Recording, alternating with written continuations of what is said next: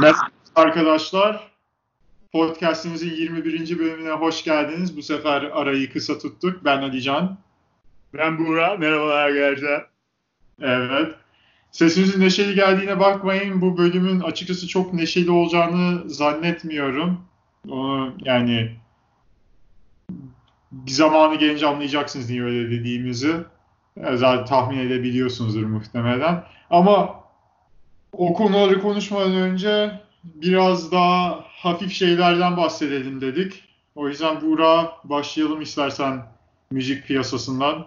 Başlayalım abi başlayalım.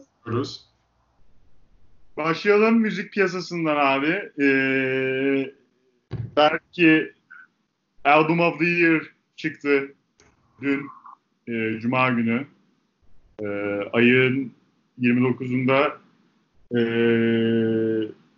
Alfredo albümü çıktı e, Freddie Gibbs'in. E, Alchemist produced.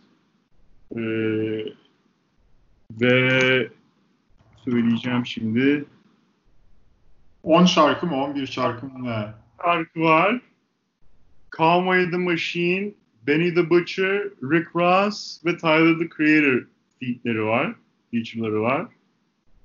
Ee, öncelikle yani Freddie Gibbs'in son zamanlardaki çıkardığı albümlerin, projelerin çoğu hatta tamamı ciddi anlamda rap piyasasını sallıyor.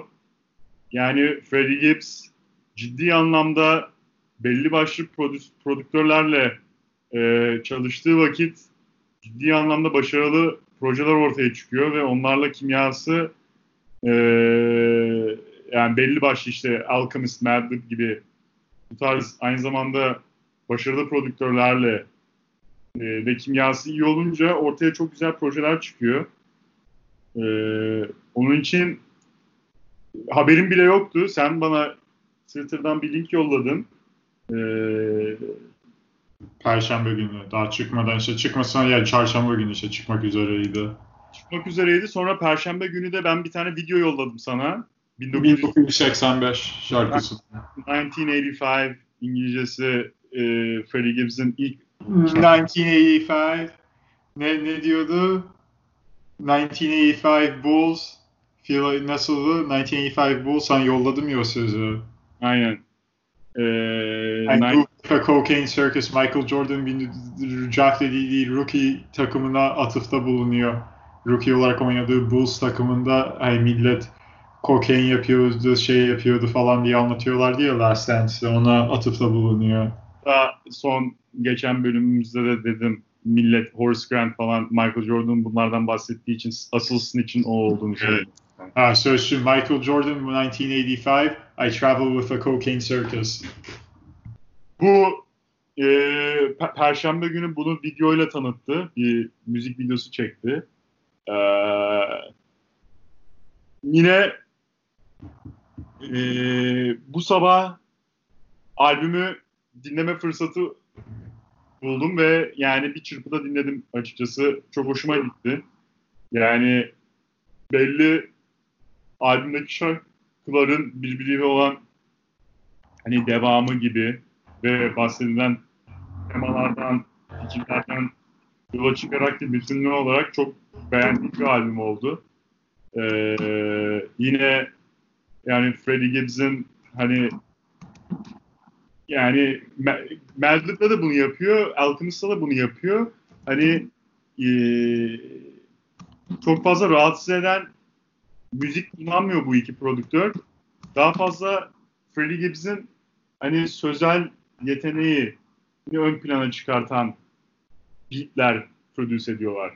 Yani e, Freddie Gibbs'in e, bir söz sanatçısı olarak maharetini gösterdiği beatler oluyor bunlar genelde ve hani kulağı da tırmalamıyor. Arka planda da çok güzel bir uyum oluyor. Çok hoşuma gitti. Ee, genel olarak tüm şarkılar. Ee, ve epeydir Rick Ross dinlemiyordum açıkçası. Ama Scary Beam şarkısı Rick Ross'la feat'i var. O şarkıyı da gayet beğendim. Ee, hani bu Dance'in üstünden de hani Ali Can da bahsetti demin Ee, Michael Jordan'a bir atıfta bulundular işte Cocaine Circus 1985 çalmak, Michael Jordan çalmak, Cocaine Circus vesaire. Bir, birkaç yerde de Scottie Pippen'e yani söylüyorlar sözlerde işte Scottie Pippen'a atıfta bulunuyorlar. Ee, Rick Ross'ın Freddie Gibbs'e uyumunu çok beğendim. Ee, Tyler the Creator keza bayağıdır e, son projesinden sonra bayağıdır duymamıştım Tyler the Creator'ı ve Freddie Gibbs'e de daha önce çalışacağını da hiç tahmin etmezdim. Güzel bir sürpriz olduğunu söyleyebilirim. Hoşuma gitti. Ama tahmin etmezdin diyorsan da sen yani Loiter Squad'ı izlemiş bir adamsın. Loiter Squad'da Freddie Gibbs'in guest appearance'ı var diye biliyorum öyle değil mi? Valla Loiter Squad'ı hiç seyretmedim ben. Ya. Ha, ben sen seyrettin diye biliyordum. Yani Loiter Squad var da bilmeyenler için söyleyelim. Ee, Tyler the Creator'ın ekibinin yani Odd Future ekibinin yaptığı bir Adult çekim Adult, dizi Adult Swim'de olan. Yani bu Onun bir bölümünde sanırım Freddie Gibbs çıkıyordu. Doğrudur. Doğrudur. mutlaka Doğrudur. Ee, ama yine de Tyler the Creator'la da ya Tyler the Creator'ın zaten rap olarak yani sanatçı olarak çok başarılı olduğunu bir, bir- birden fazla kez söyledik bu podcast'te. Hani yetenekli, yaratıcı ve aynı zamanda sesinin de inanılmaz derin ve deep bir sesi olmasından dolayı da hani Freddie Gibbs'e falan da güzel ayak uydurabiliyor. Hani genel olarak hızlı, agresif rap de yaptığı oluyor. Fakat sakin, konuşarak rap yaptığı da oluyor. Bu Something to Rap, About'ta biraz daha konuşarak yapıyor, sa- sakin bir şekilde. Ama sakin bir şekilde yaptığı vakitte sesinin böyle derinliği falan gayet güzel anlaşılıyor. Hoşuma gitti. Bunun haricinde de zaten diğer featlerde şey, e, senin adamların Benny the Butcher Beni de bıç, beni de bıç, bıç kapı ve Conway the Motherfucking Machine yani şimdi Benny the Butcher'ın Griselda BSF Gang yani BSF Be, Be- Benny the Butcher Benny the Butcher'ın tergini maalesef söyleyemiyorum tamamını çünkü e, yani ne kelimesini kullanıyor. Evet, The Ha. Butcher Coming Homie Yani homie değil işte. Ama e, homie diyoruz yani oluyor. yani şey e, Benny the Butcher verse'lerinin so- sonrası veya yani her verse yaptığında ya sonunda ya ortasında ya başında bıçık kabı koy- ne diyor. Hani anlayın işte ne. Oğlum homie işte ya The Butcher Coming for you, The Butcher Coming Homie o de anlaşılıyor o zaman oğlum boş boşuna şey diye uğraşmana gerek yok. Butcher coming homie değil abi. The butcher coming for you. Hayır be bunu şimdi tartışacak mıyız Buğra oğlum? Bakıyorum internetten. The butcher coming for you oğlum. Bakıyorum.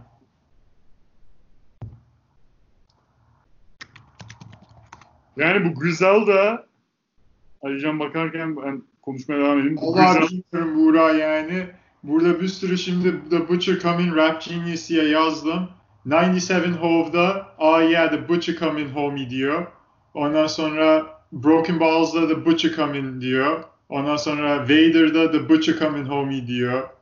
Yani Yani bir şekilde Butcher geliyor abi. Kasap geliyor. Kasap da beni yani. Beni the Butcher. Benny the Butcher, Conway the Machine ve Machine Gun. e, zaten West Side Gun ve Conway the Machine beraber Machine Gun oluyor. Kardeşler sen de demiştin. Bu E, kardeşler Benny the Butcher da onların kuzeni. Ve e, şunu da söylemek lazım. E, bu iki kardeş e, iki kardeş demeyeyim de e, pardon iki kardeş tabii şey çıkardılar, proje çıkardılar. Ona da bir bahsedelim. Lulu ve Pray for Paris. Evet, Lulu, Conway the Machine çıkardı Lulu'yu. Ee, şeyle beraber. Lulu da Alchemist produ- pro- e, produced. Yani prodüktörü. Evet, Lulu'da, orada da Schoolboy Q'nun feat'i var da Schoolboy Q bir tek nakaratı söylüyor o şarkıda. Yine de çok güzel bir şarkı. Ondan sonra West Side Gun'ınki de Pray for Paris. Orada da bir sürü feat var. West Side Gun'ın biraz daha tabii yani Benny the Butcher ve Conway the Machine biraz daha solo katları daha yapabilen adamlar. Daha yani rap yapıyor. West Side Gun'ın sesi biraz daha yani tiz bir ses mi diyeyim nasıl tarif edersin onu? Biraz sesinden ötürü mü bilmiyorum. Biraz daha mecburen sanırım şey yapmaya kalıyor. Beat. Evet. Ee, şunu söyleyelim. Bu kadar e, bu adamlardan bahsederken Pray for Paris albümünü çıkarmadan önce e, bizim adam West Side Gun'dı değil mi? Evet. West Side Kopenhag'dı. Ve Paris'ten kaptı. Ve e, bu ICU dedikleri Intensive Care Unit'lar yani acilde yoğun bakımda yatmış adam. Birçok kez e, öleceğini falan düşünmüş. Bunu tabii iyileştikten sonra söylüyor bunları da. Yani bu adam da böyle bir şey geçirmiş. Çok güzel bir projeye imza attı o da. Yani bu adamlar seslerini duyuruyor. Ben ilk Alican'dan duymuştum. Alican biraz daha bahsetmek istersen lütfen. Benden mi duydun? Sen mi bana yolladın? Bilmiyorum ki. Sen sanki ilk şey yani bunu onu çözmeye çalışıyorum. Çünkü bu biz Benny the Butcher'ı şeyde ilk yaptık. Ee, tabii. Tabii. 18 Wheeler yani. Ondan sonra LA Lakers'ın Griselda freestyle'ı var. Orada Conway the Machine, Benny the Butcher bir de Rick Hyde yine bu onların grubuna üye bir adamdan çıkıyor. Ee, o için freestyle'ını ben çok beğenmiştim. LA Lakers'da yaptıkları. Onun da üzerine zaman geçiyor. Yani şöyle demek istedim ben yani bu Griselda'cılardan ilk senden haberim o. Yani senin vasıtanla tanıdım. Yani 18 Wheeler'ı sen ilk bana gönderdin. Pusha ile bur- burada da daha önce bahsetmiştik. Ee, ilk bölümlerden bir tanesinde. Benny the Butcher'ın solo e, Geçen yaz çıkmış Haziran 2019. E, Cocaine Rap yaptığı bir albüm. İle beraber 18 Wheeler şarkısı. Şeyin adı da The Plugs I Met. EP'si. Yani, Plugs I Met EP'si ile ben ilk Benny the Butcher'ı tanıdım. Senden dolayı öğrendim. Fakat ondan sonra sen bu adamlardan şey yapınca Benny the Butcher falan burada YouTube'da bir tane e, hesap var. Şimdi adı San San Sao mu ne diye böyle sırf böyle bu Sansu'dur. Sansu da olabilir mi? Ee, bu çünkü San, Sanzu şeyin yazarı işte eski Art War şeyi The Art of War onu rap'te çok kullanıyorlar The Art of War. İşte işini. bu hesap olsun e, bu hesapta e, adamların genelde tüm diskografisi var YouTube'da e, ve bu adamların genelde diskografisi Spotify'da bulunmuyor. E, onun için bu adamları hani bir yerde Benny the Butcher böyle New York rap hani Head Nod Music gibi e, The Ringer diye bir producerları var bu adamların da in-house neredeyse. Genelde Griselda'cılarla şey yapıyor. Biraz Alchemist'i falan da andırıyor e, production şeyi, e, beat tarzı falan. Çok hoşuma gitmişti. Hani belki onları ben kendim keşfetmiş olabilirim ama yani kesinlikle Benny the Butcher ve Griselda'dan ilk sen, senin vasıtanla haberim oldu yani. Hmm. Doğrudur. Ondan sonra yani adamların freestyle'ları zaten çok iyi bu. Charlie Sloth'la beraber Fire in the Booth freestyle'ları var. O daha nispeten yenice. O da bayağı iyi. Charlie Sloth'da BBC UK. Aynen İngiltere'de. O freestyle bayağı iyi. Orada Benny the Butcher şey. Ondan sonra zaten beraber hepsi WWCD What Would Chine Do? Chine'da Chine Gun diye bir adam bunların yine akrabalarından bir tanesi. Herhalde half brother'ları mı neymiş galiba ölmüş. Ee, Conway the Machine ve West Side Gun'ın ikisinin beraber adı Hall Nash diye geçiyorlar. Zaten bir şarkıda Conway the Machine'in dediği Hall Nash and Benny like Magic Kareem and James Worthy diyorlar sanırım. Acayip çok fazla spor referansları da var şarkılarında. Yani mesela Rick Hyde'ın LA Lakers freestyle'ında dediği I'm nice in front of Mike's hani mikrofonlarda ama Mike Michael Jordan I'm nice in front of Mike's Joe Dumars diyor mesela. Ondan sonra iş, bu Charlie Sloth freestyle'ında şey diyor işte the young game went in when he was like 16. He came home Zion sized, Zion Williamson size'ına şey yapıyor. Yani hapise girdi, çıktığında iri yarı olmuş. Ondan sonra işte I get it for, I sell it for the Shaq, but I get it for the Brian Shaw. Yine herhalde adamların forma numaraları artık onun tam içeriğini bilmiyorum da forma numaralarına büyük ihtimal atıfta bulunarak bir hani kokaini kaça alıp kaça sattığından bahsediyorlar falan. Yani bayağı aslında içine spor şeylerinde de çok yaptıkları oluyor. WWCD What Would Shine diyor onu dinleyin. Bu Lulu, Pray for Paris hepsinin solo cut. Yani Griselda şu an rap game'e en fazla saygı duyulan isimlerinden biri. Shady, Shady Records'a imza atmış durumdalar. Eminem'lerin bulduğu Eminem'in grubuna. Yani herkes çok saygı duyuyor.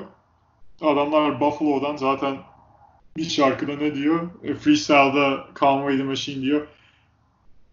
I didn't put New, I didn't bring New York back. I put Buffalo in the front tarzına bir lafı ediyor. Buffalo, Buffalo dediğin yerde New York City arasında acayip yol var. Yani şöyle söyleyeyim. Buffalo, Toronto, Kanada sınırında bir yer. New York haritasına bakarsanız ee, yani bayağı ben ilk gördüğümde onu haritada fiziksel olarak gördüğümde demiştim oha. Ya herhalde arabayla gitmeye kalksan 6 saat falan sürebilir New York City ile Buffalo arasında. Ee, o derece bayağı yatay, horizontal bir şekilde hani Amerika'nın içine doğru gidiyorsun. Niagara şelalesi falan oralarda. Yani bu Conway the Machine hakkında biraz daha ilginç bir bilgi. Adamın yüzü biraz felç. Yani değil mi? Felç dersin ona. Yani yamuk. Yamuk, yüzü yamuk çünkü beynine, yani beynine demeyeyim de yüzüne kurşun yemiş vaktinde. Ee, o hayatta tabii yani şey ama ağzını görürseniz ağzı yamuk adamın. Fenerbahçe basketbolcularından biraz Nikola Kalinic'in ağzı gibi. Ağzı yamuk falan. Ondan dolayı inan yani şey ilginç bir şey de yapıyor. Yani o, ama yani herifler harbiden şimdi çok büyük rapçi. Ve rap'in bünye, rap bünyesindeki diğer rapçilerden de saygı duyuyorlar. O, o yüzden geliyorsunuz tüm bu önde gelen rapçiler adamlarla çalışıyor e, ve takdir ediyorlar. İşte Pusha T çalıştı. Ondan sonra şimdi Freddie Gibbs çalışıyor. West Side Gun'ın albümündeki featlerde yine Joey Badass var, Tyler the Creator var. Ondan sonra söyle Wale var. Bir sürü farklı adam var. Zaten çalıştırdıkları prodüksiyon, produce, producerlar falan işte Alchemist Lulu'yu produce etti vesaire. E, takdir edilen bir grup haline geldi. Yani buraya biz Freddie Gibbs'den geldik. Evet, Freddie Gibbs'in albümünü de dinleyin. Ya ben Alfredo'yu çok dikkatli dinlemedim. Benim için hani müziği hakikaten şey yapabilmem için iyice dikkatli dinlemem lazım. Ben iş yaparken arka planda şey yapıp dinledim. Güzel geldi tabii. Ee, şey şarkısını bayağı beğendim yine. Conway the Machine'le söylediği Babies and Fools diye bir şarkı. O şarkı bayağı iyi. Öyle.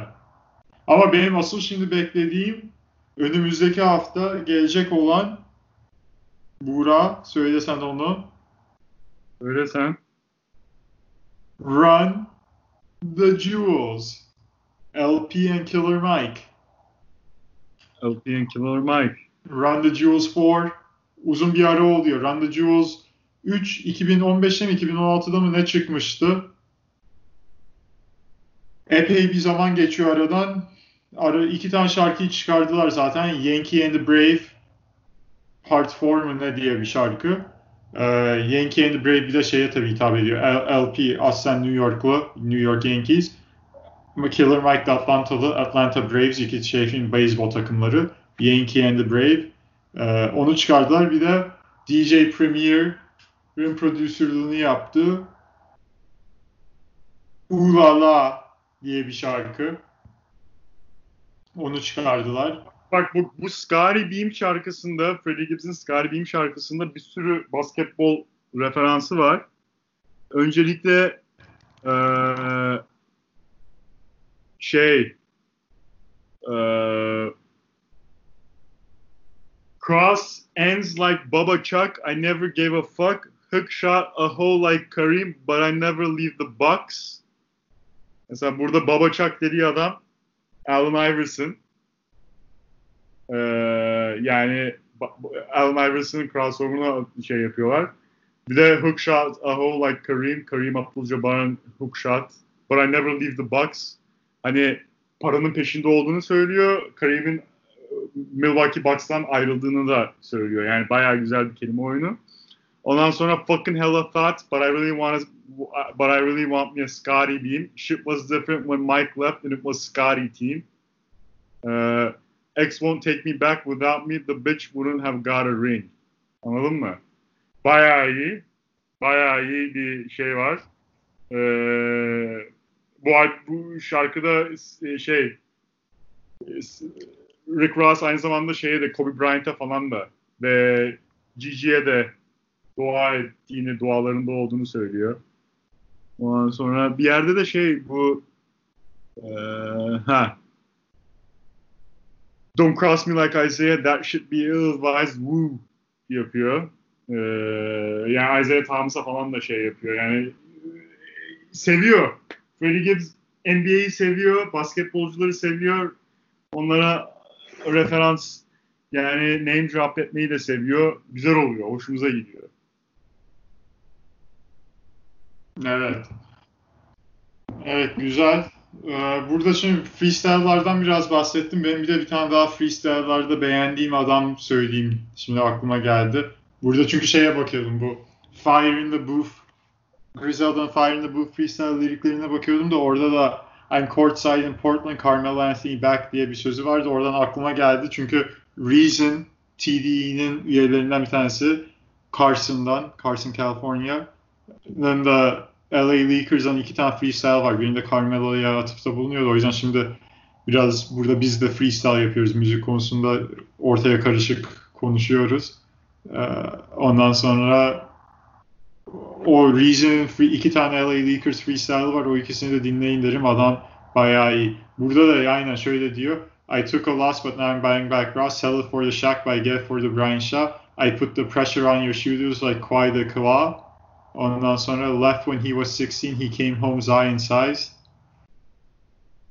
I'm courtside in Portland. Carmelo Anthony back.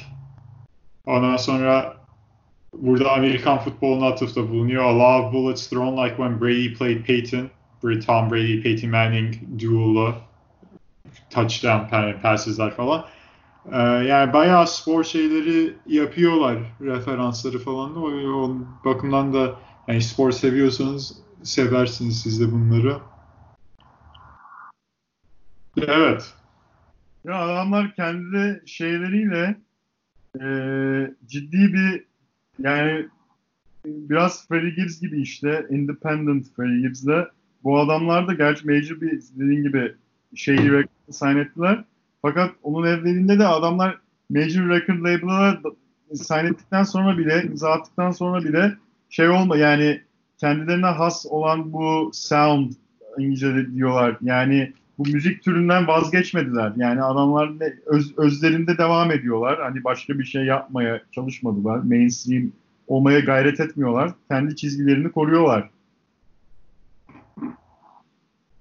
Evet.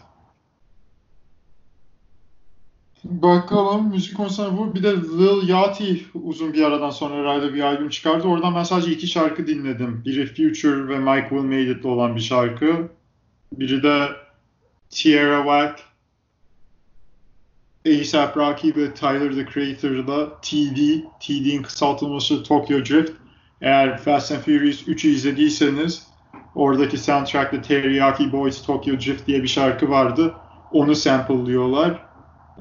Beat dolayısıyla bayağı yani şey bir beat, bağımlılık yapan bir beat ve güzel. O iki şarkıyı ben beğendim. Lil Yachty'nin bazen yani bazı şarkılarını beğeniyorum. Çoğu şarkısını aslında ben pek beğenemiyorum. Ama bu iki şarkı güzeldi. O da dinlemeye değer olabilir.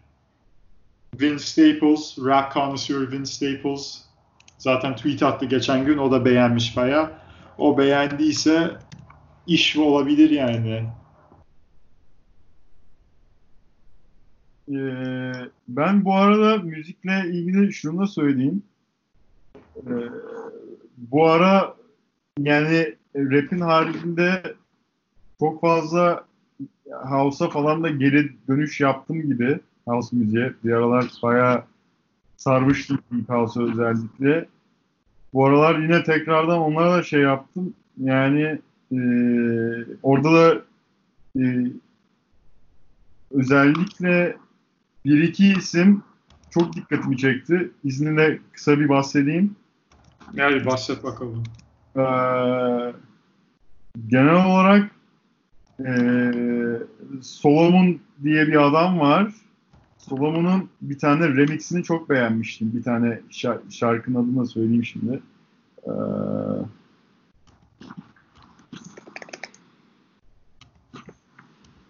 ha. Or, or, Norrin Hayes'in Around diye bir şarkısının Solomon Vox remixi bayağı başarılı bir şarkı bence. Ondan sonra geçenlerde de bu Something We All Adore diye bir tane şarkısıyla karşı karşıya geldim. Genelde bu arada şundan da bahsedeyim.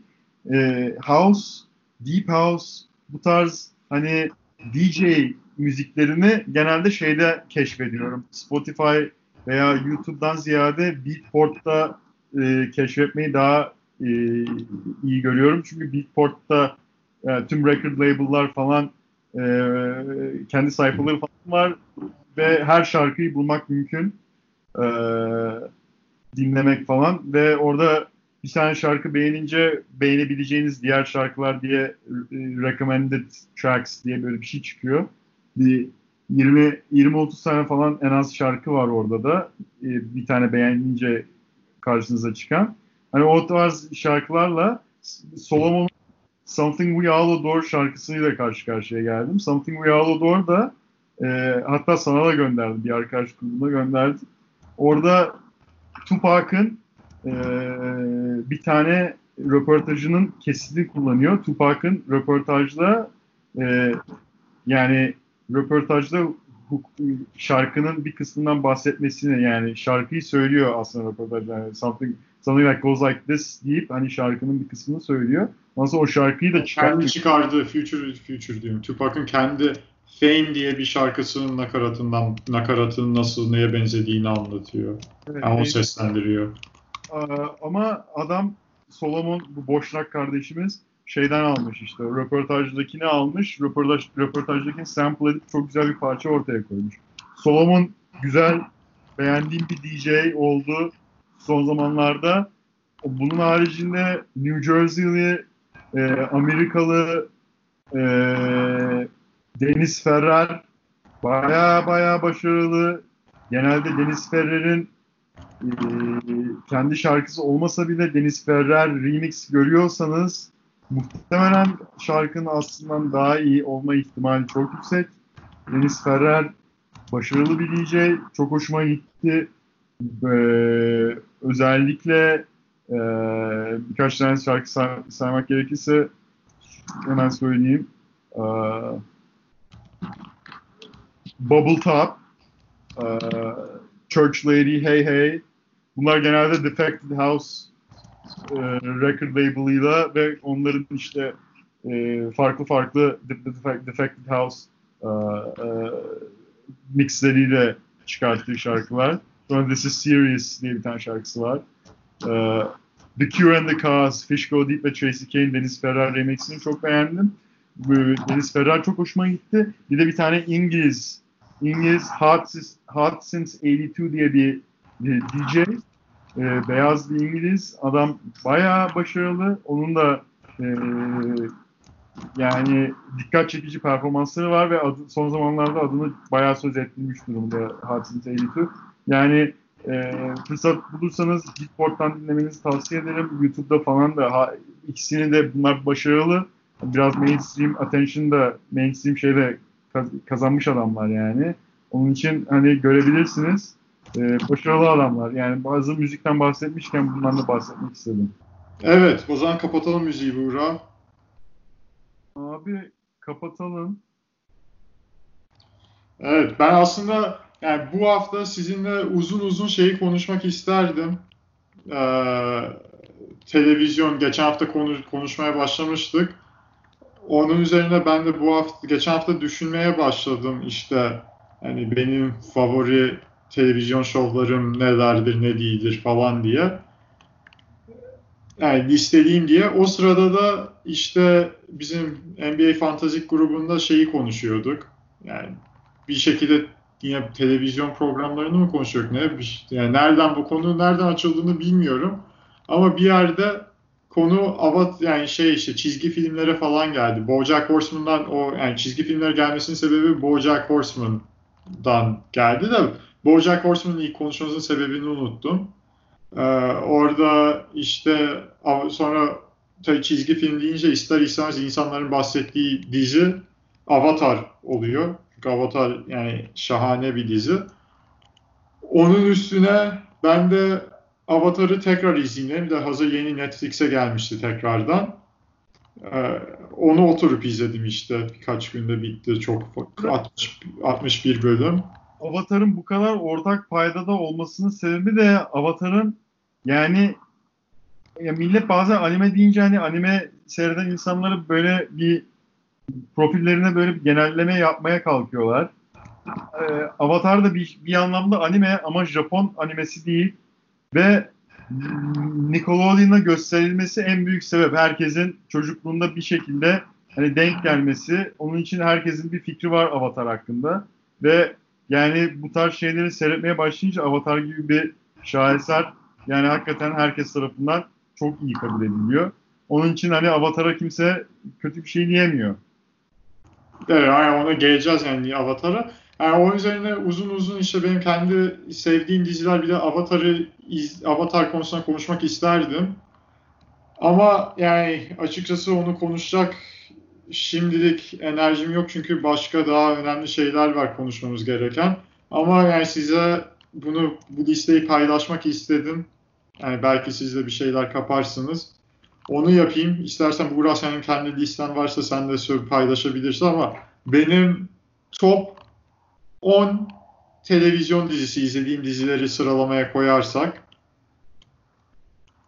9-10 numaraya belki biraz recency bias olabilir ama La Casa de Papel'i koyuyorum. Ee, sürü, sürükleyici bir dizi. Yani şey falan güzel, sürükleyici bir dizi. Yani soygun dizisi sonuçta. Soygunlar sürükleyici oluyor. Ee, içinde profesör karakteri de bayağı captivating bir karakter. O yüzden güzel. Onu do, o, do, ona koydum. 9'a iki dizi koyuyorum. İki dizi koymanın sebebi konsept olarak biraz birbirlerine benzer diziler. Ee, Atlanta ve Dave. Atlanta Dave'den geçen hafta bahsedecektik, bahsetmeyi unuttuk. İkimiz de bu karantina süreci içerisinde izledik. Dave Lil Dicky'nin çıkardığı bir dizi. Lil Dicky komedyen, rapçi. Ben başta ee, seyrediyordum aslında Dave'i. Ne? Ben Dave ilk çıktığından beri takip ediyordum düzenli. Ha, Buğra takip ediyormuş. Ben karantinada izledim Buğra bana söyleyince. O da Lil Dicky karakter, Lil Dicky'nin yani Lil Dicky kendisini oynuyor ama yani gerçek hayattaki kendisi değil. O da yeni rapçi olmaya çalışıyor. İşte rapçi kariyerini geliştirmeye çalışıyor. Komik komedi dizisi. Atlanta ise Childish Gambino, Atlantalı kendisi. Onun dizisi. E, o da kendisi rapçi olmak ister, kendisi rapçi değil orada ama Paperboy diye Brian Tyree Henry oynuyor Paperboy'u. Onun menajerliğini üstleniyor. O da yeni bir rapçi. Bir de üçüncü arkadaş olarak Lakeith Stanfield'ın oynadığı bir karakter var. Ee, üçün içinde bulundurdukları durumlar, onun iki, o, bu dizinin iki sezonu var. Dave daha bir sezonda. Yine kendi bulundurdukları komik durum. Zaten ikisi de FX'in çıkardığı dizi. O yüzden birbirlerine de konsept olarak da benziyorlar. Ee, Lil Dick'in komedi anlayışı biraz böyle cringe ve awkward şeylerden seviyor. Self-deprecating humor da yapıyor. Childish Gambino özellikle ikinci sezonda biraz daha absürde kaçıyor komedisi. Ama Childish Gambino'nun komedisini beğenenler çok var. Yani zaten adam rapçi olmadan önce o da önceden stand-up yapıyordu. Ve mesela Community dizisini falan çok beğen, ben izlemedim de beğenenler var. O da bayağı komik. O yüzden o ikisini de tavsiye ederim. Onu da o ikisini 9'a koydum. Birbirlerine benziyor diye. 8'e South Park'ı koyuyorum. Yani South Park şimdi 23 sezon oldu sanırım. Hepsini izledim. Ee, komedi o da yine. Yani bu komik ve bazen de toplum içerisinde o sıralarda olan olaylara atıfta bulunarak komedi yapıyorlar. Güzel oluyor. Biraz bazen absürde kaçıyor. Yani onların nezdinde her şeyle dalga geçilebilir. Yani bu da aslında bir, bir noktaya kadar yani haklı insanların çeşitli şeylerle dalga geçebilmesi lazım. Çünkü yani hiçbir şey eleştiriden muaf değil, hiçbir şey mükemmel değil ki espri yapamayasın. Çünkü esprilerin altında yani onların hani eksik kalan yanlarını ön plana çıkartıyor.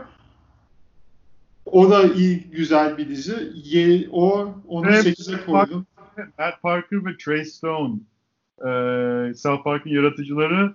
Aynı zamanda Colorado'da Bowling for Columbine.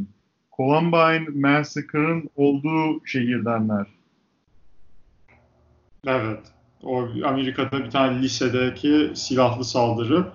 Ee, onu 8'e koydum ben. 7 numaraya Seinfeld'ı koyuyorum.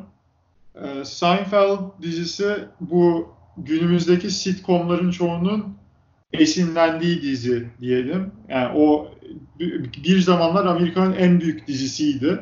Zaten Last Dance'de gördüğünüz Jerry Seinfeld, Michael Jordan'la buluştuğunda The Team of the 90s ve The Show of the 90s 89'dan 98'e kadar Amerika'nın en büyük televizyon şovu Seinfeld'dı. Ve Seinfeld'in yaptığı şeyleri günümüzde başka sitcomlarda yapıyor, esinlenmiş durumda. Yani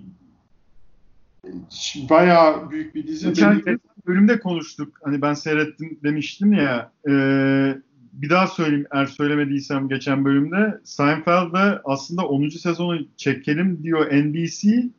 Fakat hatta Seinfeld çok yanaşmıyor. Seinfeld'da 5 milyon dolar bölüm başına teklif ediyorlar. Bölüm başına e, 5 milyon dolar e, para, nakit ve iki- 2000 yılından bahsediyor. 99-2000 yılından bahsediyoruz. Yani dudak uçuklatacak bir para Seinfeld istemiyor ve sonlandırıyorlar 10 sezon, yani 9 sezon sonunda. Evet. Ee, Seinfeld bir de benim 2015 yazında izlemiştim. Ben o zamana kadar genelde izlediğim şeylerde daha hani nasıl diyeyim di- izlediğim filmler, diziler daha böyle toplumsal olayları ele alan ya dünya hakkında bir şey yapan falan o tarz şeyleri izliyordum. Seinfeld onun tam tersine yani dört arkadaşın başından geçen hikayeler hani konuştuk zaten. İşte mesela Çin lokantasına sıra bekleme ve hani Jerry'in dediği gibi the show about nothing. Hiçbir şey hakkında bir şey yani öyle. Ha, günlük hayattaki şeyler. O da benim biraz hayata farklı bir bakış açısı kattı benim için açıkçası. Yani Seinfeld hani biraz da e, bu şey olay hani hayat dediğin aslında bu ufak tefek anlardan oluşuyor. Hani o yani bu bakış açısının yani daha önce sahi yani farkındaydım ama iyice bir farkındalık getiriyor Seinfeld bir noktada da aslında. Ve komik. Yani bir sürü şimdi günümüzde yapılan esprilerin orijini belki Seinfeld dizisine şey yapılabilir, e, çizilebilir. Vale'nin albümünü de seviyorsun. Neyi seviyorum? Vale'nin albümü Ha, Wale and the Album About Nothing Goes. Wale mesela Seinfeld'den çok esinlenmiş bir adam yani. 6 numaraya, onu 7'ye koyduk. 6 numaraya Curb Your Enthusiasm koyuyorum. Curb Your Enthusiasm Buğra şimdi yeni yeni izliyor. Larry David Seinfeld'i yaptıktan sonra Curb Your Enthusiasm'ı kendi yapmaya başladı. Kendisini oynuyor. Yani çok tip yani Curb Your Enthusiasm'ı anlatmaya yetmez. Onu oturup izlemeniz lazım. Bayağı yani konuşunca yüzünde gülümsemeler oluşuyor. Çünkü bayağı hakikaten inanılmaz komik bir dizi.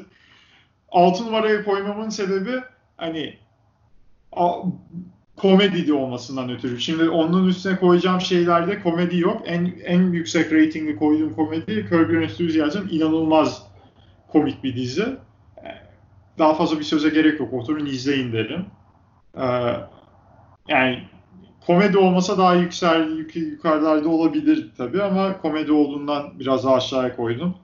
Ee, ilk beşinde biraz daha başka şeyler ağır basıyor o yüzden yapıyorum. Şimdi top 5'a geldik. 5 numaraya belki birçok insan duymadığı bir dizi geliyor. Tremay diye. Tremay The Wire'in yapımcıları tarafından yapılmış bir dizi. Hurricane Katrina sonrası New Orleans'e farklı farklı insanların hayatlarını toparlamaya çalışmasını ve tekrardan rayına oturtmasını konu alıyor. Ve insanlığın ne kadar zorluklarla yani ne kadar karşısına zorluk çıkarsa çıksın onunla baş etmeye çalışması, yaşama tutunma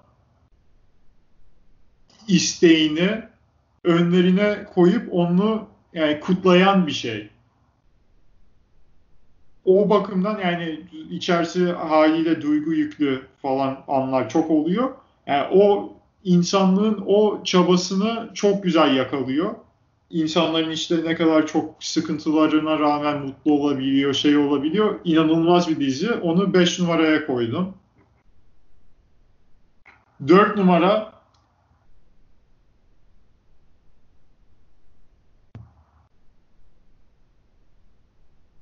Evet. Full Metal Alchemist Brotherhood. Bu bir Japon animesi. Ee, 60 küsür bölüm falan. Konsept olarak alkemistler var. Alkemistler bir materyalden başka bir şey yaratabiliyorlar. Ee, bu iki çocuk küçük yaşta annelerini kaybediyorlar. Babaları da evi terk etmiş oluyor. O annelerini kaybetmeden önce zaten terk ediyor. Bu iki alkemistlerde tabu olan tek bir şey var. O da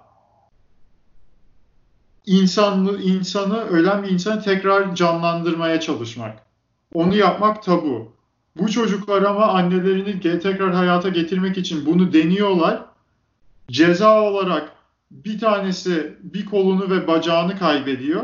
O yüzden onun o kısımları metal şeyle değişiyor. O yüzden adı zaten Full Metal oluyor adamın. Full Metal Alchemist. Diğeri de tüm hayatını kaybedecekken kardeşi ona işte alkemi şeyleri kullanarak bir tane işte şövalye zırhına ruhunu bağlıyor. Adamın hiç fiziksel bir bedeni yok. Şövalye ruhuna ruhu şövalye şeyinin içinde, zırhının içinde.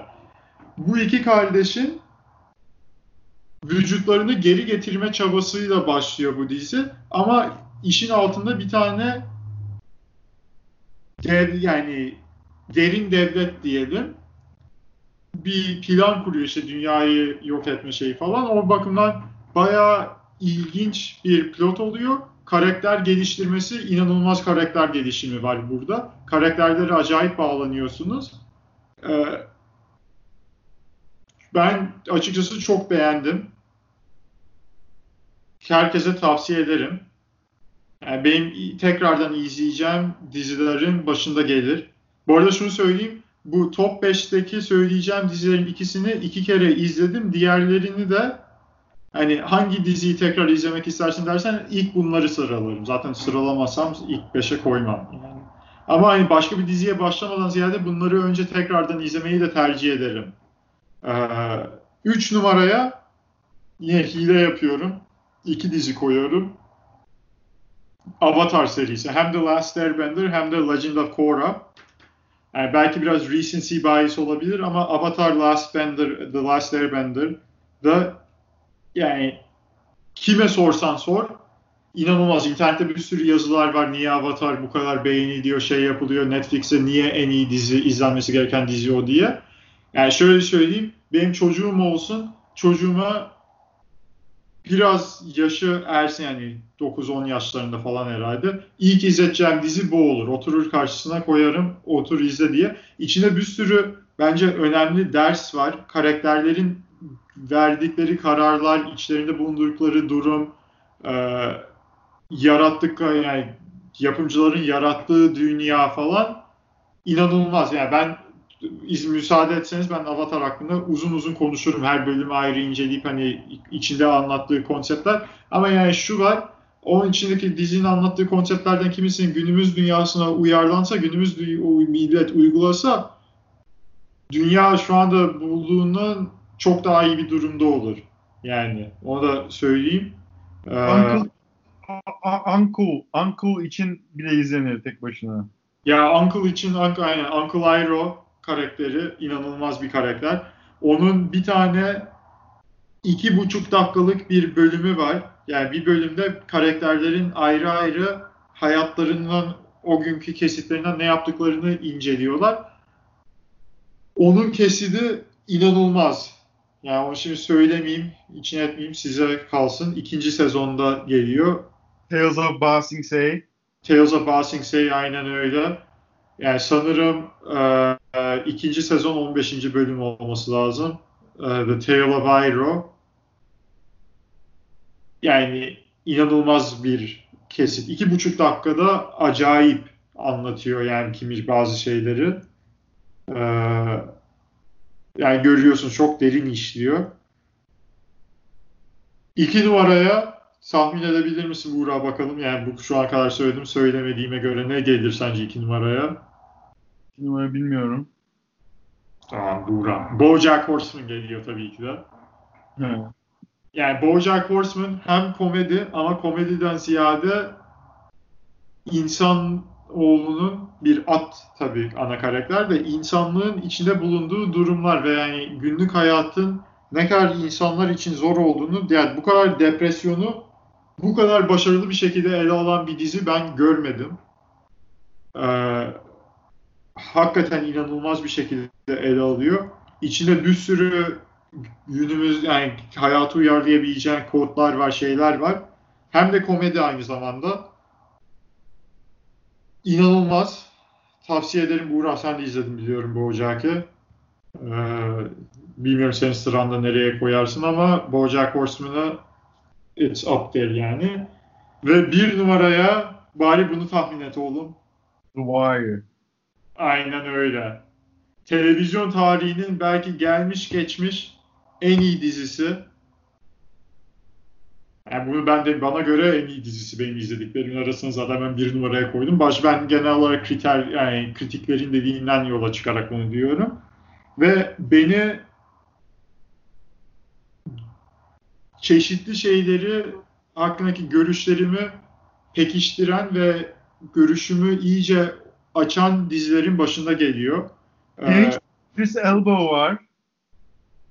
Evet İdris Elba var. Ondan sonra aynen İdris Elba oynuyor da o yani oynayanlardan ziyade konsept daha önemli yani bu dizide.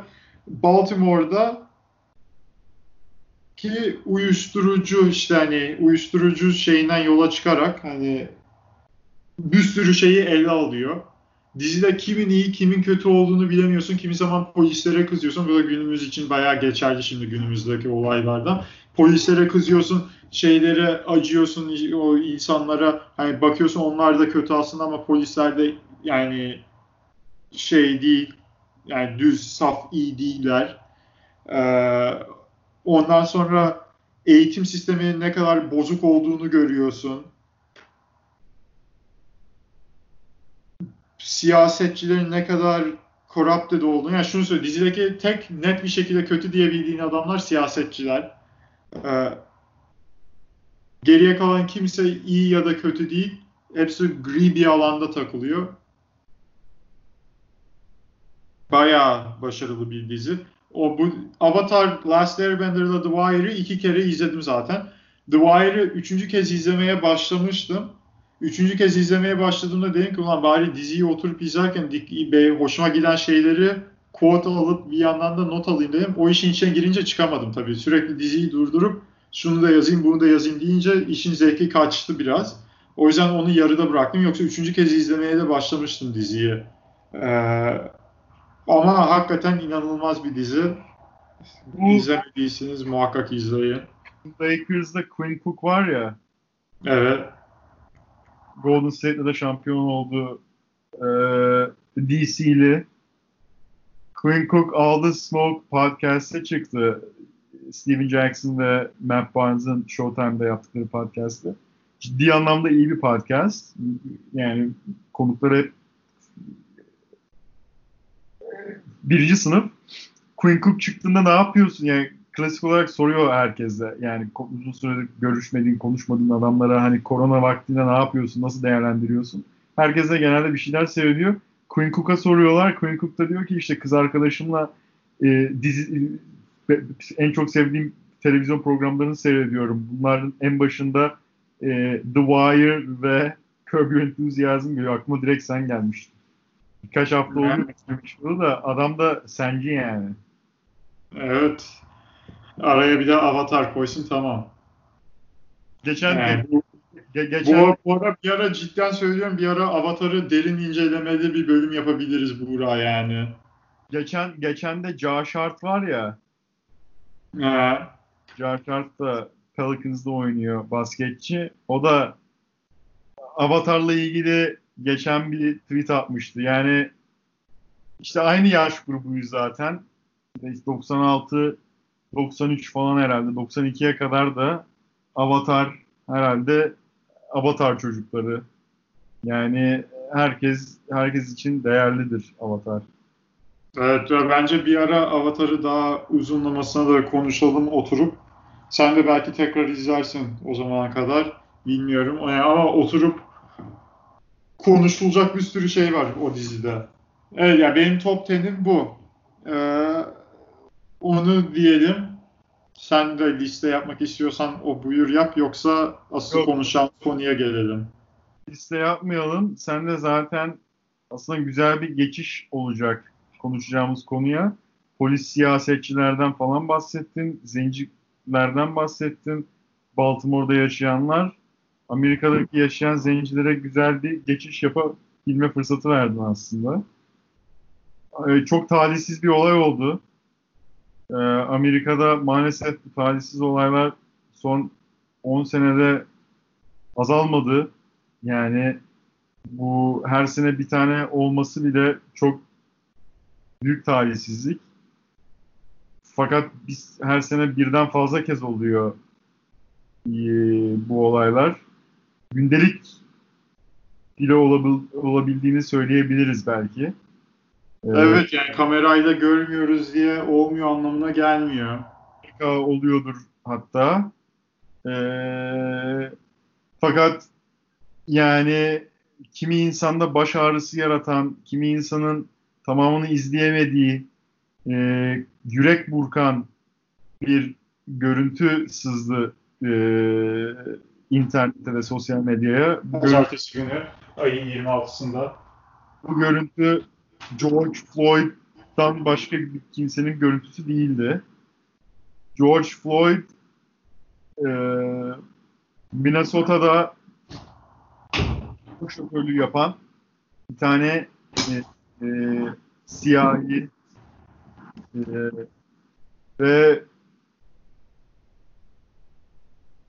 yani sahte bir 20 dolardan dolayı ya e, polis tarafından zapt ediliyor.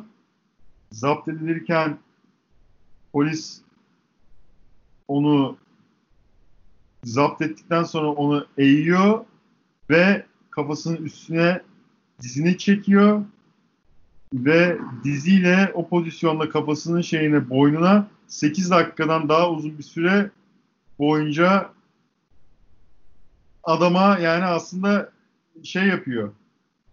Ee, ne, ne- nasıl denir? Yani e, işkence ve bunun sonunda adamı öldürüyor. Ve Evet. ve bu işkenceyi yaparken adam annesinin ismini kızlarını kızlarının çocukların isimlerini telaffuz ediyor. Yani yardım, Nefes alamıyorum diyor. ya- nefes alamıyorum diyor. Yani yardım çığlıkları atıyor. Bir tane polis memuru bunu yaparken e, üç tane polis memuru yani iki tane daha polis memuru Üç Onu- tane daha. Üç tane. Toplam dört tane var. dört tane ama iki tanesi bu adam e, diz çöken adamın yanında onlar da diz çöküyor. Arabanın yanında. Bir tane adam da kenarda duruyor. Hiçbir müdahale falan etmiyorlar. Bu Minnesota eyaletinde oluyor. Ee, evet ve sonra olaylar patlıyor. Evet. Evet. Aynen. Sen bir iyi bir özet geçtin. Yani buna beni bilen bilir. Ben yani genel olarak sosyal konularda duyarlı bir insanımdır. Çeşitli sosyal olaylarda. Ama özellikle yani lise çağından itibaren yani rap'i dinlediğimden ötürü ilk rap'i dinlemeye başladığımda Tupac ve Nas'ın çeşitli daha siyasi şarkılarını dinliyordum. Ee, ve bu adamların yaşadığı zorlukları okumaya beni itti. Hani diyorum bu adamların ben şarkılarını dinliyorum da hani bu şarkılar nereden geliyor onun kökünü inmek için. Yani dolayısıyla benim için özellikle Amerika'da yaşayan siyahilerin çektiği dert yani çok yani her zaman aklımda olan bir şey. Ee, inanılmaz yani beni ne zaman böyle bir şey gelse üzülüyorum. Bıktım artık yani bu tarz şeylerden. 1619'da Amerika'ya ilk köle gemileri geldi.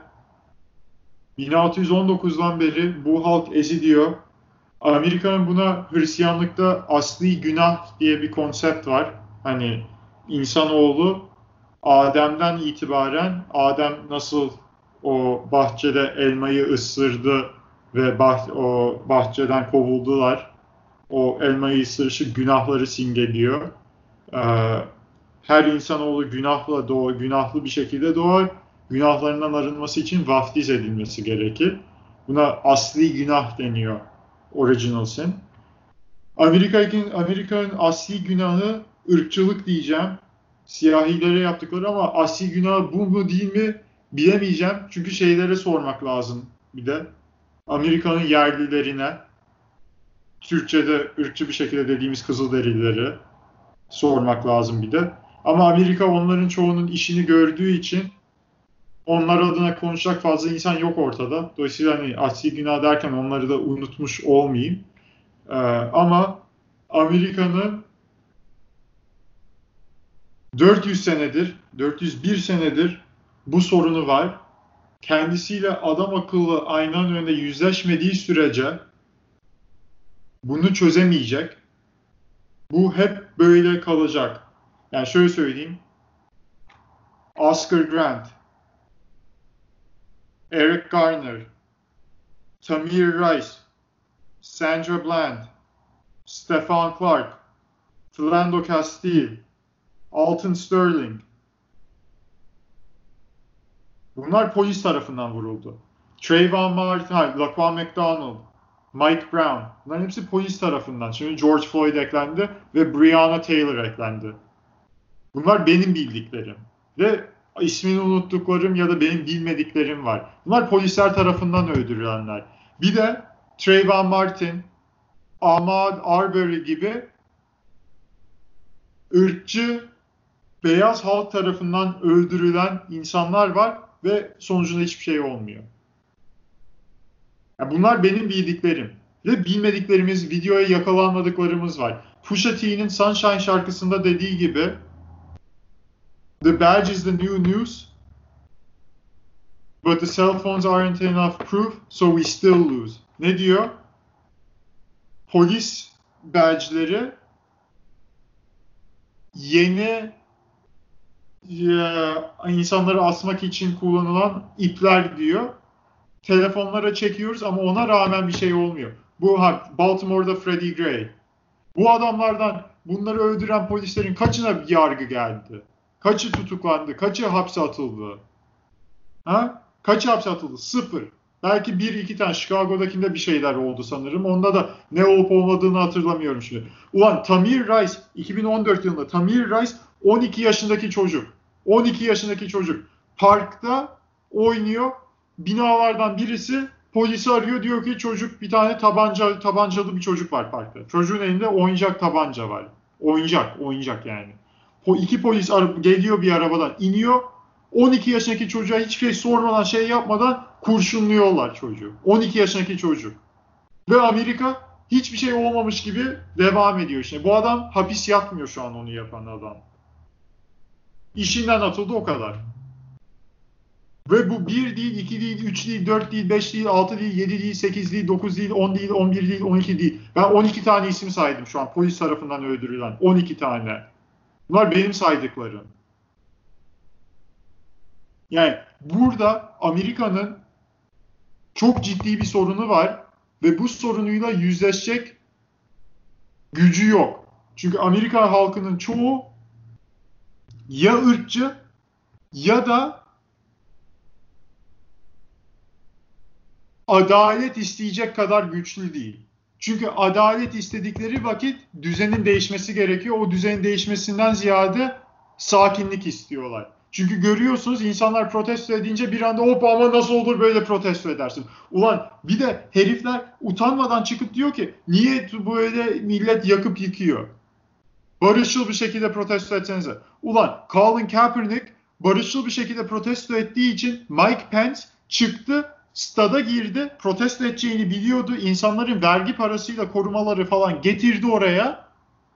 İstiklal Marşı sırasında, İstiklal Marşı diyorum, Ulusal Marş sırasında adamlar diz çöktüğü için kalkıp stadı terk etti. Sırf bu şovu yapmak için sonra utanmadan dün tweet atıyordu. Barışçıl bir şekilde protestoya hepimiz şey yapıyoruz diye. Ya yani küfredeceğim, et, ekmek istemiyorum. Yani bölüyorum. Zaten bu oyuncuların spor camiasından özellikle yani e, siyahi oyuncuların falan Instagram'da sosyal medyada paylaştıkları bir numaralı resim oldu. Colin Kaepernick'in diz çökmesi. Şimdi anladı, şimdi biliyorsunuz neden diz çöktüğümüzü. Ve hani bu durumda siyahilerin niye bu derece sinirlendiğini ve yakıp yıkmaklarında ben kendim kişisel olarak desteklemesem bile niye yakıp yıktıklarını anlıyorum ve o yakıp yıkmayı eleştirmeden önce onların yakıp yıkmasına sebep olan düzeni eleştiririm. Ve insanlardan da aynısını beklerim. Çünkü buradaki sorun eyvallah onların yaptığı yanlış ama onların onu yapmasına iten sorunlar düzelmediği sürece bu düzelmez. Martin Luther King Jr. gibi hayatını barışçıl bir şekilde protestoya adamış, hiçbir şekilde kimseye şiddet yapmamış, insanların iyiliği için dua etmiş, bir beyazları affetmeye çalışan bir insan bile ki bu herifi tutup öldürdüler. Öldürdükleri vakitte Amerika'da en nefret edilen heriflerden biriydi. Şimdi utanmadan tutup biz Martin Luther King Jr.'cıyız diye her şirket reklam paylaşıyor işte MLK Day'de, Super Bowl'da yok siyasetçiler pay, paylaşıyor sözlerini falan. Şu an hayatta olsa MLK'den nefret ederlerdi. MLK'den nefret ederlerdi. MLK gibi barışçıl bir insan bile diyor ki bu adamları bu adamların yaptığı protestoyu kınadığımız kadar onları buna iten durumu da kınamamız lazım. Buna iten durumu kınamamız lazım. Amerika'da bu protestoların sebebi bizim sürekli adaleti ve eşitliği ertelediğimizden dolayı oluyor. Bu kadar basit. Olay bu kadar basit. Sen şimdi taraf tutman gerektiğinde eyvallah yakıp yıkıyorlar, arabalara ateş verdiler. Onları mı tutacaksın? Yoksa o heriflerin 400 senedir ezilmesine sebep olan sistemi mi tutacaksın? Ha o tuttuğun sistem aynı zamanda utanmadan bu heriflerin üstünden para kazanıyor. Şimdi bakıyorsun Amerika'da koronavirüs var. Öyle değil mi? Dünyanın her yerinde var. Amerika'da koronavirüsünden en çok etkilenen insanlar siyahiler ve Hispanikler. Yani nüfusa yani nüfustaki oranlarına göre çok daha yüksek bir oranda bu etkilenmiş ve şey yapmışlar. Bunun sebeplerinden bir tanesi sosyoekonomik tabii. Ne demek sosyoekonomik sebep burada? Bu insanlar genel olarak daha fakir, daha fakir muhitlerde yaşıyorlar. Çevre koşulları sağlıklı değil. Temiz suyu olmayabilir, temiz havası olmayabilir. Düzgün beslenmeye ve besin kaynakları pahalı olduğu için bunları alamıyorlar. Ondan sonra daha düşük ücretli işlerde çalışıyorlar. Bu aynı zamanda düşük ücretli işler ekonominin yürümesi için gerekli olan işler olduğu için koronavirüsü sırasında evden evde kalıp çalışamıyorlar. işe gitmek zorunda kalıyorlar. Biz hepimiz evden oturup çalışırken ve hiçbir şey demeden yapıyorlar bunları. 40 bin eziyet ediyorlar. Böyle fakir bırakmışsın. Bir de üstüne ırkçılık yapıyorsun heriflere. Ya bir iki de ben de şey sinirlenirim bir noktada patlarım. Yani bunu kesinlikle normal. Yaptıklarında da kesinlikle anlıyorum. Ve yani açıkçası görüyorsun sonuç da alıyorlar. Adamlar yakıp yıktı. Federal e, federal hükümet şi- sorgulama açtı konuya. Gittiler en azından polislerden birini tutuklamaya çalıştılar. Ha polislerden birini tutuklamaya çalıştılar. Ne yaptılar ama tutuklama metninde? Adam sanki herife boynuna 8 dakika boyunca dizini gömmesinden dolayı ölmemiş gibi çıkıyor yazmışlar oraya. Yani diyorlar ki başka kalp rahatsızlıkları var. Ulan kalp rahatsızlıklarından ölmedi herif. Evet kalp rahatsızlığını tetiklemiş olabilir ama o herif oraya dizini çöktüğü için öldürdü. Bu kadar basit. Onu bile yan çizmeye çalışıyorlar. Onu bile yan çizmeye çalışıyorlar. Ya böyle utan, utanmaz bir sistem. Ya tutup CNN'in CNN'in muhabirlerini canlı yayında tutukladılar. Adamlar canlı yayında polislere gösterdiler. Buyurun biz gaz medyacıyız. Bizim nerede durmamızı istiyorsunuz diye sordular. Ona rağmen tutukladı polis. Ertesi gün serbest bıraktılar ve serbest bıraktıkları vakit Twitter'dan bir açıklama yayınladılar. Ne diye biliyor musun? Onların biz medya olduğunu bilmiyordu. Ya nasıl bilmiyorsun? Kamera yakaladı ya. Ya kamera yakaladığında bile sen böyle yalan atmaya razıysan kamera kapalı olduğunda sen ne yapıyorsundur kim bilir. Yani be, biz, biz bilmiyoruz. Çok şükür biz bilmiyoruz. Ama Amerika'da herhangi bir siyahiye sor, ortalama bir siyahiye sor, ya kendisi ya da kendisinden başkasının polise bir tane olayı anlatır. Seni belki sağa çekmiştir, sinyali düzgün yakmadığın için sana hiçbir şey sormadan başına silah dayamıştır polis. Öyle hikayeler okuyorsun Twitter'da. Ulan Atlanta, Atlanta diyorum. Georgia'da Şubat ayında iki tane adam baba ve oğul bir tane siyahiyi vurdu. Şubat ayında. Bu herifler ne zaman tutuklandı biliyor musunuz? Mayıs ayında. Mayıs ayında videosu düştüğünde ve insanlar nasıl olur da bu herifler hala serbest dediğinde tutuklandılar. Yoksa adam serbest kalacak. Bir de üstüne üstelik herhangi bir zaman bir siyahiyi öldürdüklerinde yaptıkları taktik ne? Hemen tutup adamın bakıyorlar daha önce tutuklanmış mı? Tutuklanmışsa onu öne çıkartıyorlar. Ondan sonra diyorlar yok adamın işte uyuşturucu sorunu var. Yok işte adam bu Georgia'daki herifte şeyde inşaat altındaki bir evde inşaatı bakmaya. Ben de merakımdan yürürken inşaata girmişliğim var. İnşaata bakmış o kameraya yakalamış. Yani dediğimde evin içinde hiçbir şey yok. Evi yani evi daha yeni sıfırdan inşa ediyorlar. Hani öyle renovasyon bir şey falan değil. Öyle bir yere girip bakmış. Ben de bakmışlığım var benim de. Onu tutup sanki hani şey gibi gösteriyorlar. Ölmeyi hak etti. Ulan bunu Steven Jackson dünkü konuşmasında çok iyi dedi. Steven Jackson'da şunu söyleyeyim. Araya gireyim. Bu ölen George Floyd'un e, yüzü Steven Jackson'a aşırı benziyor. Bilmiyorum sen de benzettin mi de bayağı benziyor yani hakikaten. Yani ee, George Floyd Houston'lı Steven Jackson da Port Arthur, Texas'lı. Steven Jackson da bayağı yani olay bir adamdı.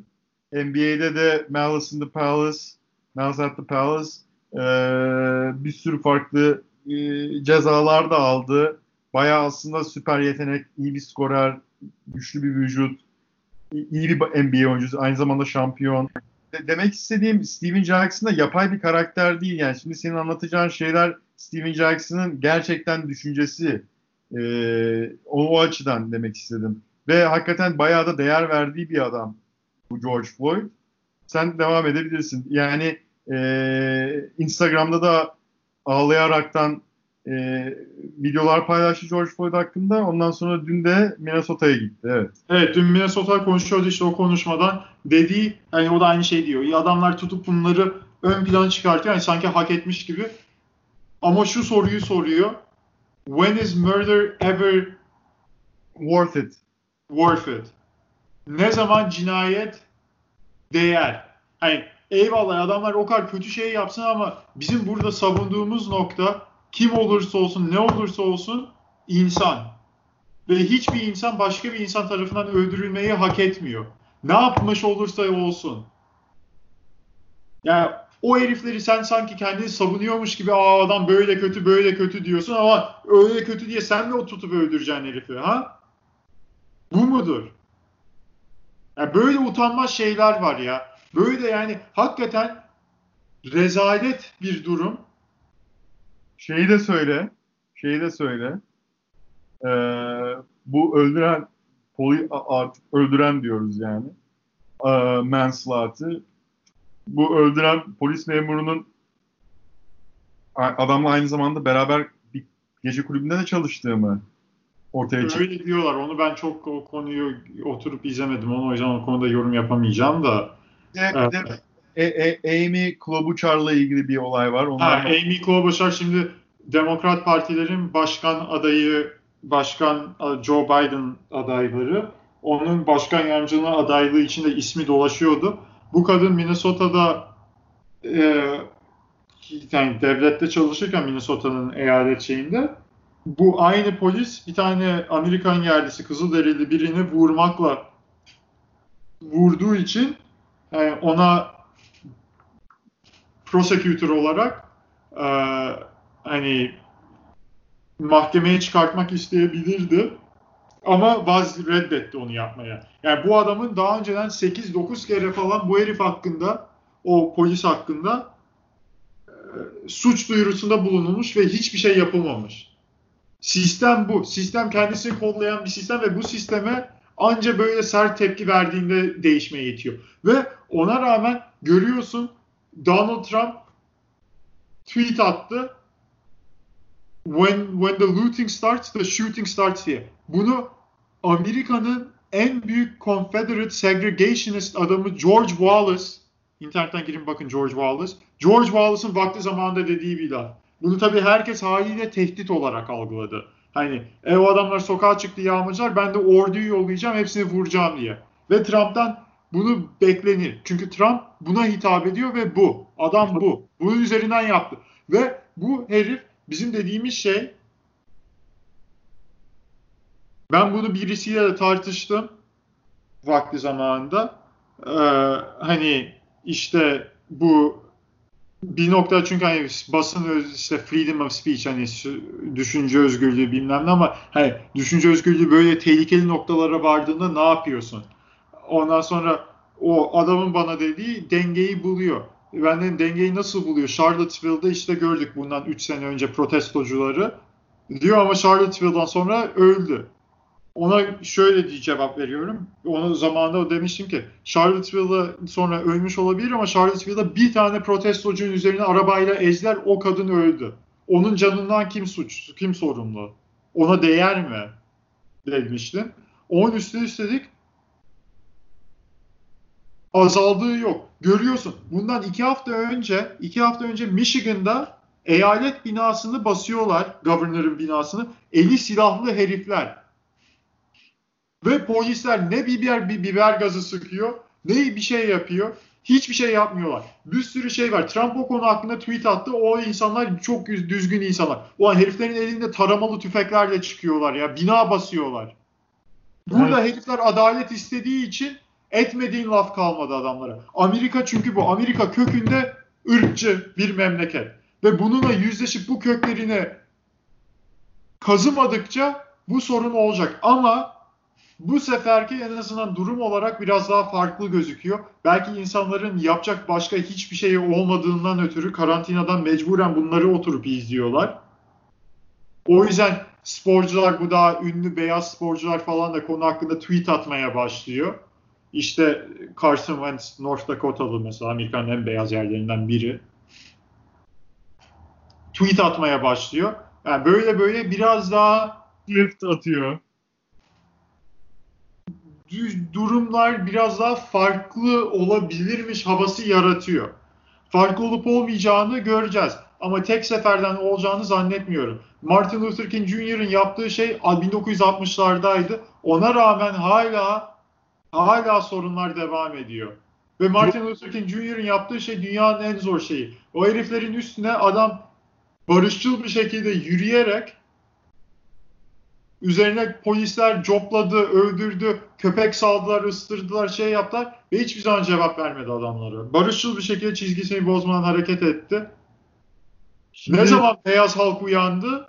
Baktılar, televizyonda gördüler. Televizyonda Selma'da beyaz, bunlara destek olan beyaz insanlara zarar gelmeye başladığını da gördüler. Dolayısıyla burada önemli olan şey sırf siyahilerin değil, bu toplum içinde yaşayan, toplumun çoğunluğunu oluşturan beyazların da buna ses çıkarması. Siz sessiz olduğunuz sürece şahsen ırkçı olmasanız bile bu ırkçılığa destek oluyorsunuz. Bu adaletsizliğe destek oluyorsunuz. Bu eşitsizliğe destek oluyorsunuz. Bu sistemin devam etmesine destek oluyorsunuz. Sizin de çıkıp onlar gibi konuşmanız lazım. Siyahiler nasıl konuşuyorsa. Onlardan daha fazla çıkıp konuşmanız lazım. Çünkü siyahileri zaten dinlemiyorlar.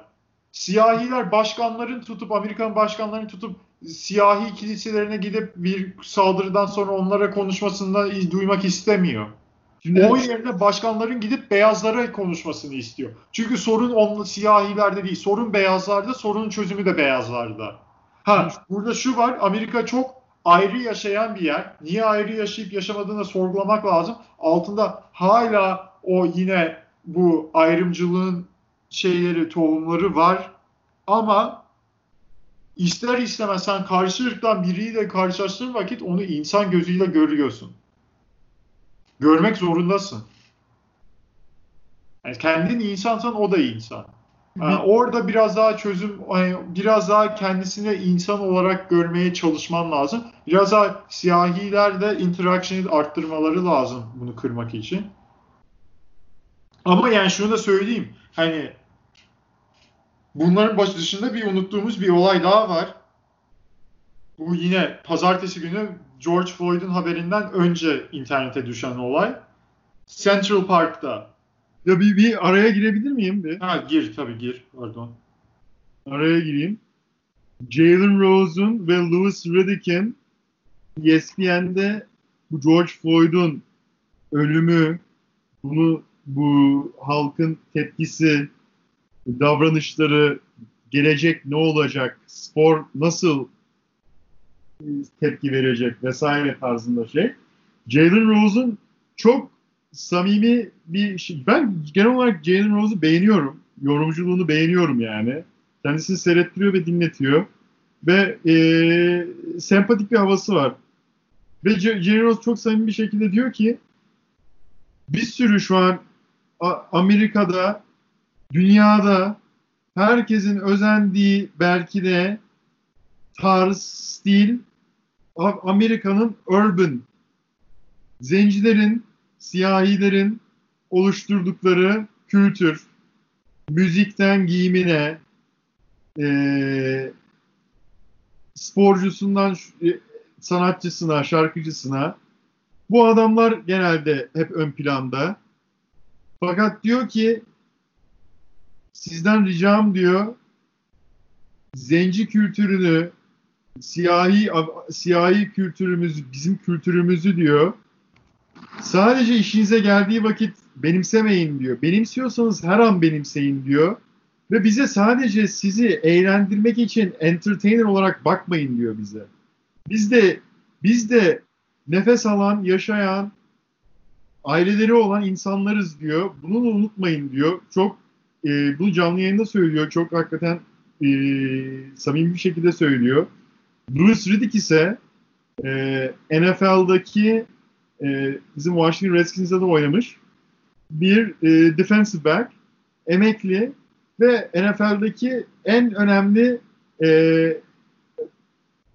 en e, zeki insanlardan biri olarak gözüküyor analistlardan. Bu adam da şunu söylüyor çok çarpıcı bayağı şey e, etki yarattı bende söylediği şey. Diyor ki spor diyor Amerika'da diyor neredeyse diyor tek oynayan herkesin o playing field'da, o sahada, o arenada artık neredeyse o yani zeminde herkesin eşit olduğu ender noktalardan bir tanesi diyor. Siyahisi de eşit diyor, beyazı da eşit diyor, Avrupalısı da eşit diyor, şusu da eşit diyor, bu da eşit diyor. Onun için zaten spor inanılmaz genelde toplumları birbiriyle bağdaştırıyor, e, birlikte hareket etmesini sağlıyor. Daha belki hayatlarında hiç bu kadar farklı insanların bir araya gelmemesi gerekirken spor bu adamları bir araya getiriyor diyor. Haklı. Ve bu sahada da bu oyunlarda da bu oyuncuların hepsi birbiriyle eşit konumda diyor. Sporda da diyor artık sporcular da diyor daha fazla seslerini çıkartacaklar diyor, diyor. Ve diyor biz aslında bunu sporda başardık diyor bu hani ırkçılığın yok edilmesini aslında maç esnasında bunu başardık diyor. Amerika aslında spordan da örnek alabilir diyor. Hani ilerisi için diyor. Bence gayet aslında dediği şeyler gayet mantıklı. Hakikaten maalesef Amerika'da yani spordan başka bir şeyde eşitlikten bahsetmek biraz zor. Ee, yani e, ya bu ada yani şu anda sen de bahsettin herhalde koronadan ötürü kendileri adamlar kendi mesleklerini icra edemiyorlar. Yani hepsi çoğu sporcu ciddi anlamda tepki koydu e, sosyal medyada. Bunun e, kısa süreli olmayacağını düşünüyorum. Öyle ümit etmek istiyorum.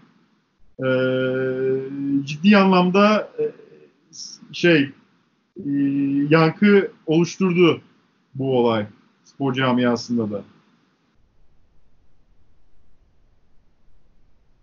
Evet. Ee, aynen öyle. Ve yani bunu şimdi şunu söyleyeceğim yine bu beyazlarla ilgili olarak hani bu pazartesi sabah ortaya çıkan durumda bu New York Central Park'ta bir tane siyahi bir adamla beyaz bir kadın arasında geçiyor. Uzun hikayenin kısası siyahi adam kuş izlemeye gelmiş Central Park'ın o kısmına kadın da köpeğine kurallar dışında yani kurallara aykırı bir şekilde tasmasız gezdiriyor. Tasmasız gezdirmesi kuşları falan korkutuyor. Adam da kadından rica etmiş köpeğinizi tasmaya takar mısınız? Kadın ürkmüş. Adamla tartışmaya başlıyor. Adam da kay telefonu kayda alıyor. Kadın diyor ki polisi arayacağım. Adam arayın diyor diyeceğim ki siyahi biri bana saldırıyor. Ama şunu da şunu da söyle adam bayağı e, emektar yani oranın emektarı uzun senelerdir gelip gelen tecrübeli bir isim yani. Ne yaptığını biliyor.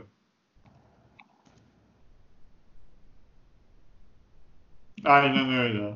Yani yanında mama getiriyor. Onu da söyle. Aynen ya hani o, o, o uzun zamandır geliyor hani oraya.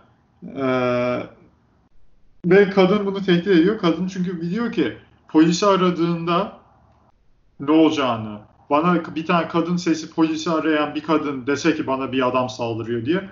Polis anında gidecek oraya ve büyük ihtimal düşünmeden saldırmaya çalışacak. Ee, ondan sonra ve üstelik üst zenci olunca daha da beter oluyor. Ee, yani ve o kadının geçmişine bakarsanız hani siyasi şeylerin mesela Obama'nın kampanyasına bağış yapmış falan. Yani kadına baktığın vakit kendisini liberal diyor, şey diyor. Ee, yani ama bakıyorsun işin sözcüğünde o da bu diğer güneydeki ırkçılar gibi hareket ediyor. Şeyi söyledin mi? Ee, söylemediysen polisi arayıp burada bir tane zenci adam var diyor kadın. Yani zenci adamı vurgu yapıyor. Aynen öyle. Yani zenci bir adama vurgu yapıyor. Yani Evet. görüyorsun. Yani bu bu ha söyle. Irkçı kozunu oynuyor. Hani- Aynen öyle. Ki bu ay dediğimiz gibi bakıyorsun Obama'ya şey yapmış, para vermiş, bilmem ne yapmış falan bir kadın. Ee, hani Bu bu adam da bu adam da bunu koyuyor. Twitter'da ciddi olay oluyor. Ciddi olay oluyor.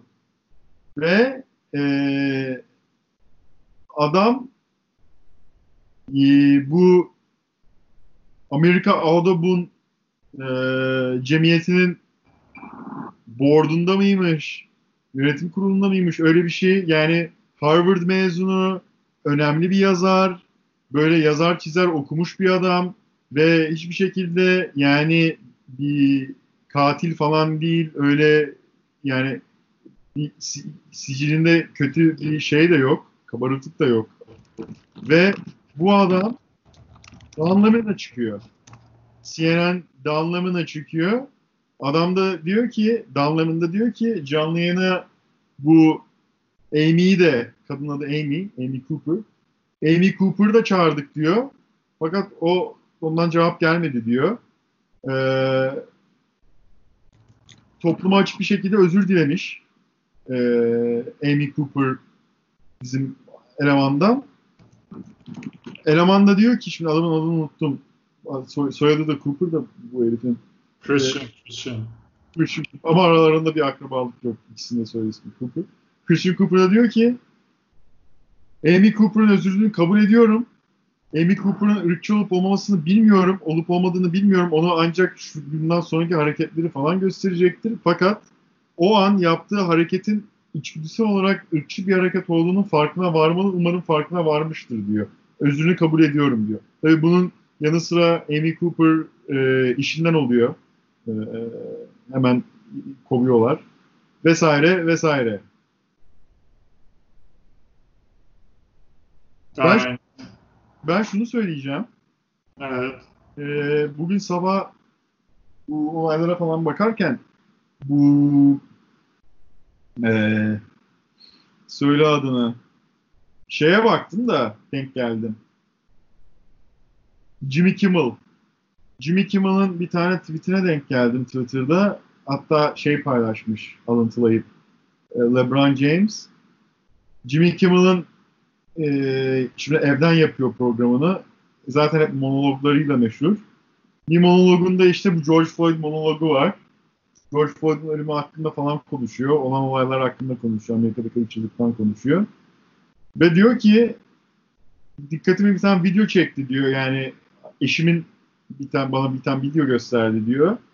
Ve bu video iki sene veya üç sene önce çekilmiş olmasına rağmen diyor aynı etkiyi mutlaka yaratacaktır diyor. Bu aynı zamanda şeye de bir benzerlik. Ee, bu Orlando'da nefes alamayıp ölen e, zenci ondan sonra Miami Heat ve NBA'in I Can't Breathe t-shirtleri. Hani O Orlando değil o New York'ta Eric Garner. Eric Garner, Eric Garner, I, can't, I can't breathe. Yani bu da tekrardan hortladı. Yani tekrar eden motifler. Burada da e, Jimmy Kimmel diyor ki hani 3 sene önce çekilmesine rağmen şu anda da aynı etki yaratacağını düşünüyorum. Sizinle paylaşıyorum diyor. Ve monologun sonunu bu videoyla kapatıyor. E, videoda şu This Now diye bir tane Twitter kanalı var yani YouTube kanalı, sosyal medya platformu var, yani sosyal medya kanalı var. İçerikleri genelde işte e, gündem yaratan işte siyasi olaylardan tut, yani her şeyden bahsediyorlar az çok. E, ve bir tane e, Amerika'da bir tane zenci adam başlıyor videoda. Adam böyle ses tonu böyle biraz ürkmüş, arkası kapkaranlık. Adam işte kendisinden bahsediyor, ismini söylüyor. Şunu yapıyorum diyor. Bunu, bunu yapmaktan keyif alırım diyor. Vejetaryanım diyor. İşte e, bir tane beyaz bir tane adam gösteriyor. Bu adam benim kardeşim diyor. Başka bir tane beyaz adam gösteriyor. Bu benim kardeşim diyor. İşte diyor e, ne bileyim şu hobilerini sayıyor, bunları sayıyor, şunları sayıyor, bunları sayıyor. En sonunda da diyor ki, yani iki dakika boyunca konuşuyor diyelim. Sonunda da bunu şunu diyor.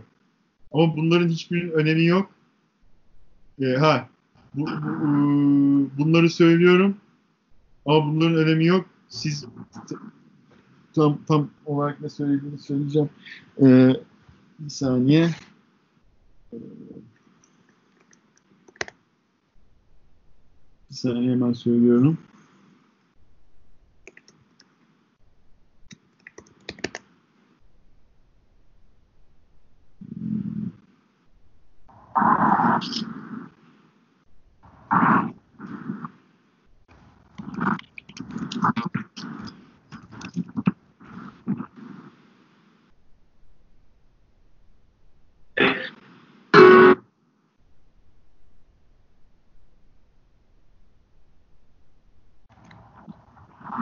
Ha, bunların gerçekten hiçbirinin önemi var mı diyor sonda.